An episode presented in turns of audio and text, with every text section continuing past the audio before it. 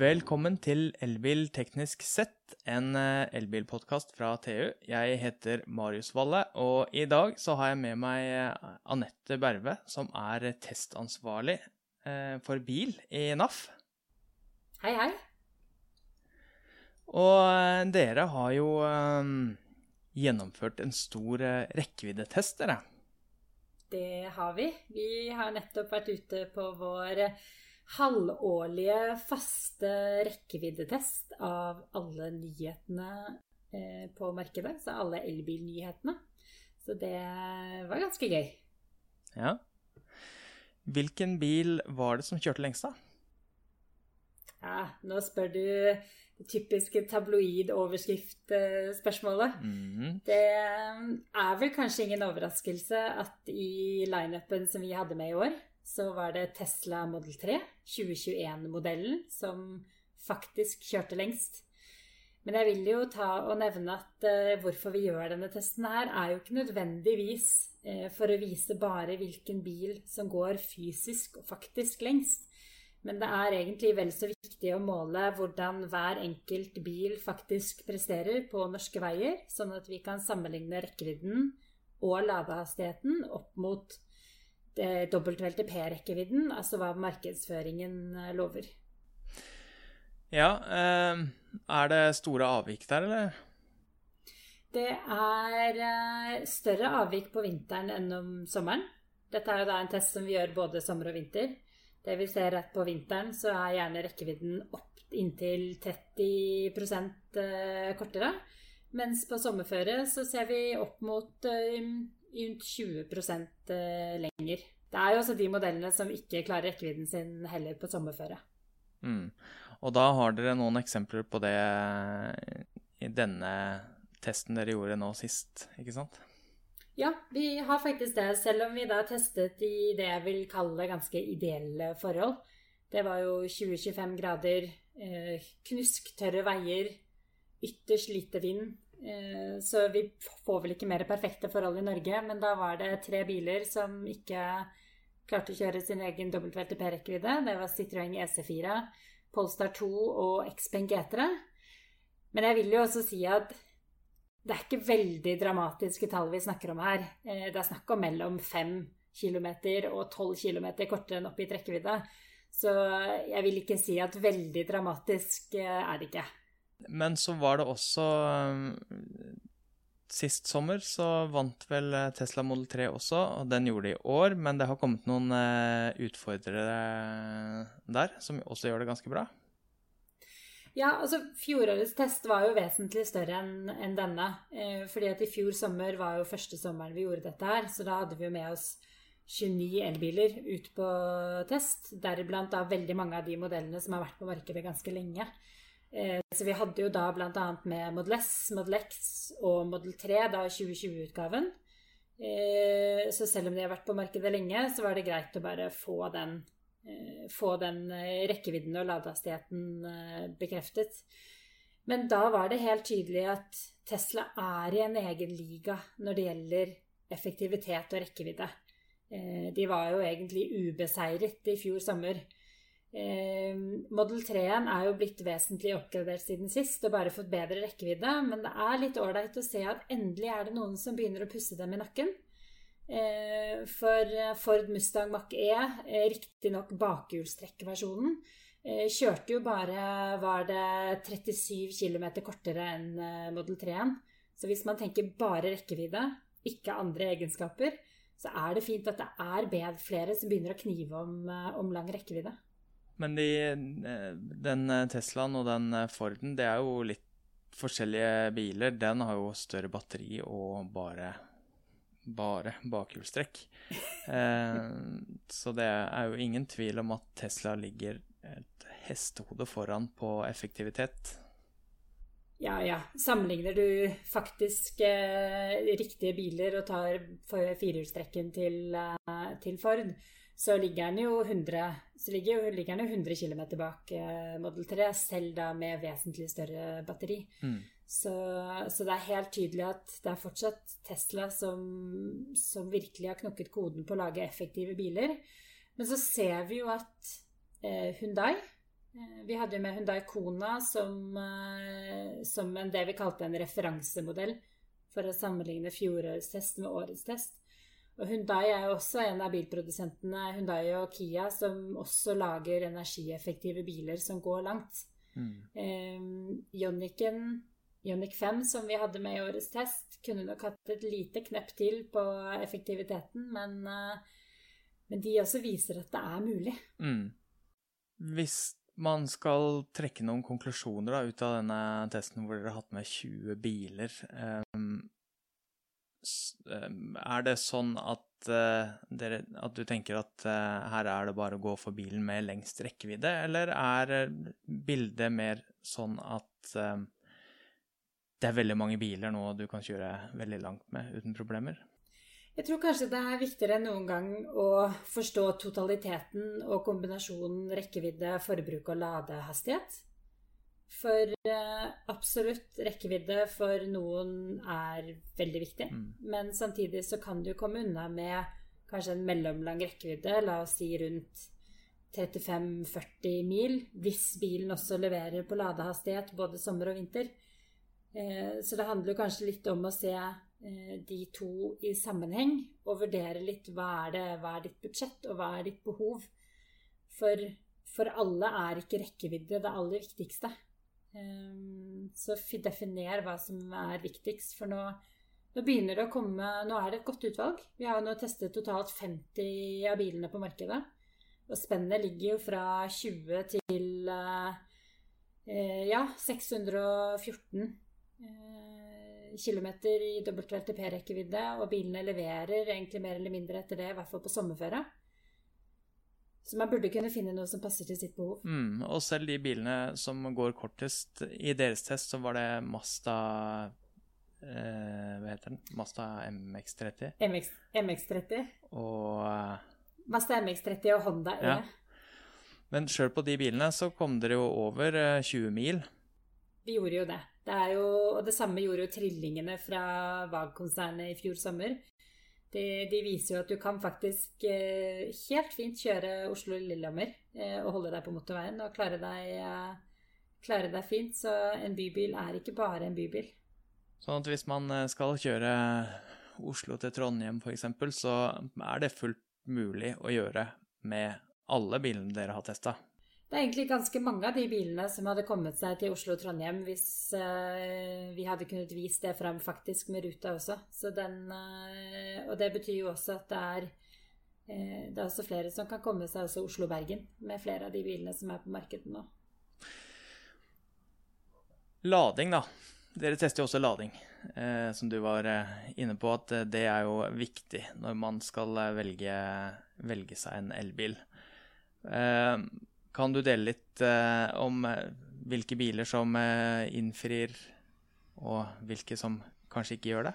Altså Det vi jo har villet vise frem og gjøre folk kanskje mer klar over, er jo at den ladeeffekten som gjerne omtales i reklamen, ikke nødvendigvis er en effekt du lader med hele tiden eh, gjennom hele ladeøkten. I tillegg så er det noen på en måte noen parametere som må oppfylles for at du skal få den effekten.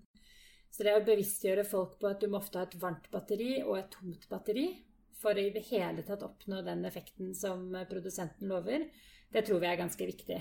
Eh, og jeg vil jo si at eh, selv om vi har vært klar over at ladekurvene ser annerledes ut enn hva man tror fra markedsføringen, så er jeg jo litt skuffet over hvor kanskje hvor lite veldig mange av eh, bilene er innom det som markedsføres som toppeffekten.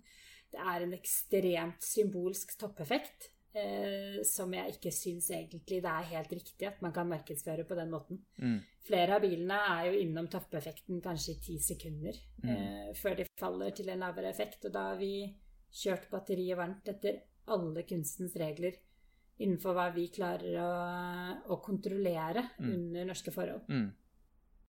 Ja um, hva, uh, hva, er på en måte løsningen på det? Mener du at uh, bilprodusentene må markedsføre det på en annen måte? De markedsfører jo også ladetid ofte, da. Uh, vis, viser testene deres at de tallene stemmer med virkeligheten, eller er det avvik der òg?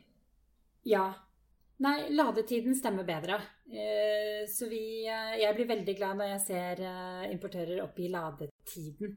For det kan de fleste stole på at den, det, holder, det holder vann. Så fokuser mer på ladetiden enn ladeeffekten. Men så ser jeg også at det som jo er interessant med lading, det er jo at det er så utrolig mange kreative måter å omtale det på. Eh, så da vi har begynt å samle inn informasjonen på alle disse 50 bilene, så har vi funnet så mange måter eh, eh, ladehastigheten omtales på. Én ting er jo ladetiden fra 0 til 80. Den er det ganske mange som går for, men så er det veldig mange som går for 10 til 80. Så vil jeg vel kanskje si at de bilene som bruker litt lengre tid på å lade, de opererer gjerne med ladetiden fra 20 eller 30 til 80. Det er vel en som til og med også har oppgitt 40 til 80, hvis ikke jeg husker helt feil. Så har du de som kun oppgir effekt, eh, fordi at det ser bra ut. Men så har du de som oppgir hvor mange kilometer du får hvis du lader f.eks. i fem minutter eller ti minutter. Så det er så utrolig mange måter å omtale dette her på som gjør at jeg føler at lading er ikke standardisert ennå, selv om man skulle tro det i form av kilowatten. Men men der er det i så fall ladetiden eh, som kan standardiseres noe, og da gjerne har vi oppfordret bilbransjen til å bruke 10-80% som, eh, som referansepunktet, som gjerne er det intervallet de aller fleste holder seg innenfor når de er på tur. Ja, det jo, skal jo være et godt stykke arbeid det å få bilbransjen til å bli enige om hvordan de skal gjøre det her eh, da må de vel gjerne finne ut hvordan de skal gjøre det i andre markeder òg, så da skal det vel kanskje bestemmes sentralt. Så kanskje det burde inn i, i kjøresyklusen på en eller annen måte? Ja, faktisk så har jo vi eh, etterlyst at det opprettes en eh, enten en eh, nordisk eller eh, altså nordisk eller europeisk vinterstandard, bl.a., som kan også omtale da ladehastighet, men vel så mye kanskje rekkevidden på eh, under kaldere forhold. For det vi jo ser er jo da som sagt at både rekkevidden og ladehastigheten er jo noe som eh, bilbransjen holder seg innenfor på sommerføre, men vi har jo absolutt problemer på vinterføre med å oppfylle både WLTP-rekkevidde og ladehastigheten. Men det er et langt lerret å breke. Men eh, vi er jo ikke det eneste landet som har kuldegrader. Det er jo flere markeder som har lavere temperaturer eh, lik som oss, og også har mer krevende kjøreforhold. Ja, litt Sør-Europa. Hvis du kommer opp i fjellene i Sveits og Østerrike og sånt, så er det jo ikke helt ulike forhold eh, der heller, vil jeg tro. Helt riktig. Så vi er, jo ikke, vi er jo ikke alene om det behovet. Og så kan du også si at en del andre land vil jo kanskje ha andre eh, forbrukstall og WLTP-tall som burde trekkes frem. Eh, ut ifra den WLTP-testen som gjøres, så kan du trekke ut ulike hastigheter også. I Norge så bruker vi det som kalles en kombinert kjøring. Eh, mens f.eks. For, for Tyskland så kan det hende at for tys tyske forbrukere så hadde det vært mer realistisk å forholde seg til eh, altså den mer high speed motorveidelen av WLTP-testen for å få den realistiske rekkevidden for deres marked. Så vi tenker at her burde man jo kunne gjøre noen lokale justeringer som gjør at de ulike markedene får riktigere, riktigere tall for sitt bruk. Um, ladetesten deres, da. Uh, har du Hvilken bil uh, lader uh, raskest, ifølge deres tester? Nå sitter vi jo faktisk og bearbeider ladedataene nå. Vi er jo bare få dager etter at vi har gjennomført testen. Men i det store og det hele i år så er det Altså Model 3 lader jo fortsatt eh, Er blant de beste i klassen, også når det gjelder ladehastighet, men kanskje vel så mye når du kombinerer ladehastigheten med det lave forbruket. Så forflytter du deg jo lengst raskest med en modell Model 3. Det er eh, konklusjonene vi har gjort tidligere, og det er helt tydelig at det står seg fortsatt. Men så hadde vi jo da både med Audi E-tron GT og Ioniq 5, som begge er modeller som uh, har uh, 800 volt-systemer og lader med henholdsvis 270 er det vel for Audi e-tron GT og 220 for Hundai Hyundai Ioniq. Eller Ioniq 5, mener jeg. Eh, og de begge, hvis ikke jeg husker helt feil Nå skal jeg se bare litt på jukselappen min. For eh, E-tron GT-en var ferdig på lade fra 10 til 80% på 19 eh, minutter. Det er blant de raskeste vi, blant de raskeste vi har målt. OK. Eh, bare litt tilbake til eh, testen og testinga deres. Dere kjører jo en vanlig det, det, Sånn at folk får med seg det at man, dere kjører ikke bilene på en, på en, bane, liksom. Det her er en Dere kjører nordover eh, en eller annen rute og, og, og, finner rett og slett ut når bilene stopper. Det er sånn det er lagt opp, ikke sant? Helt riktig. Dette her er en test som foregår ute på helt vanlige norske veier i trafikken, eh, med alt det det innebærer. Eh, vi kjører ut av Oslo, kjører om Gjøvik, og så kjører vi nordover på E6-en til Dombås. Eh, klatrer over på vei opp Dovrefjellet, tar av til Folldal, sånn at folk liksom nok kan se for seg ruta over fjellet. Eh, og kjører så også over Venabygdsfjellet, eh, før man fortsetter ned til eh, Ringebu igjen, til E6-en, og fortsetter nordover hvis man fortsatt har rekkevidde igjen. Så vi brukte jo mye tid på å finne en rute som kunne være representativ for store deler av landet. Det betyr at vi måtte holde gjennomsnittshastigheten noe nede, så vi kunne ikke velge liksom, transportetappen Oslo-Hamar på motorveien med hovedsakelig 110-sone, for det er ikke veldig representativt for andre steder i landet. Eh, vi ville ha litt klatring, for det er jo typisk for Norge. Så da landet vi etter mye om og men på den ruta vi kjører i dag. Og da lurer jeg på om den måten å teste på gir det egentlig sammenlignbare tall mellom bilene? Jeg tenker hvis man er på vei opp over et fjell, og så er det en som stopper rett før toppen, mens den andre har nok til å komme akkurat over kneika, og vil jo da kjøre nedover og få eh, lengre rekkevidde, da, på et vis. Absolutt. Eh, har dere gjort dere noen tanker om, om, om det? Ja, veldig mange. Det er jo Det er helt klart testens store svakhet. Eh, at vi har den ruta vi har. Som jo selvfølgelig kanskje mer ideelt sett hadde avsluttet med en slakere, med en slakere etappe. Samtidig så legger ikke vi skjul på at dette ikke er en vitenskapelig test. Dette er et, en praktisk test som skal gi et praktisk eksempel på hva rekkevidde faktisk er.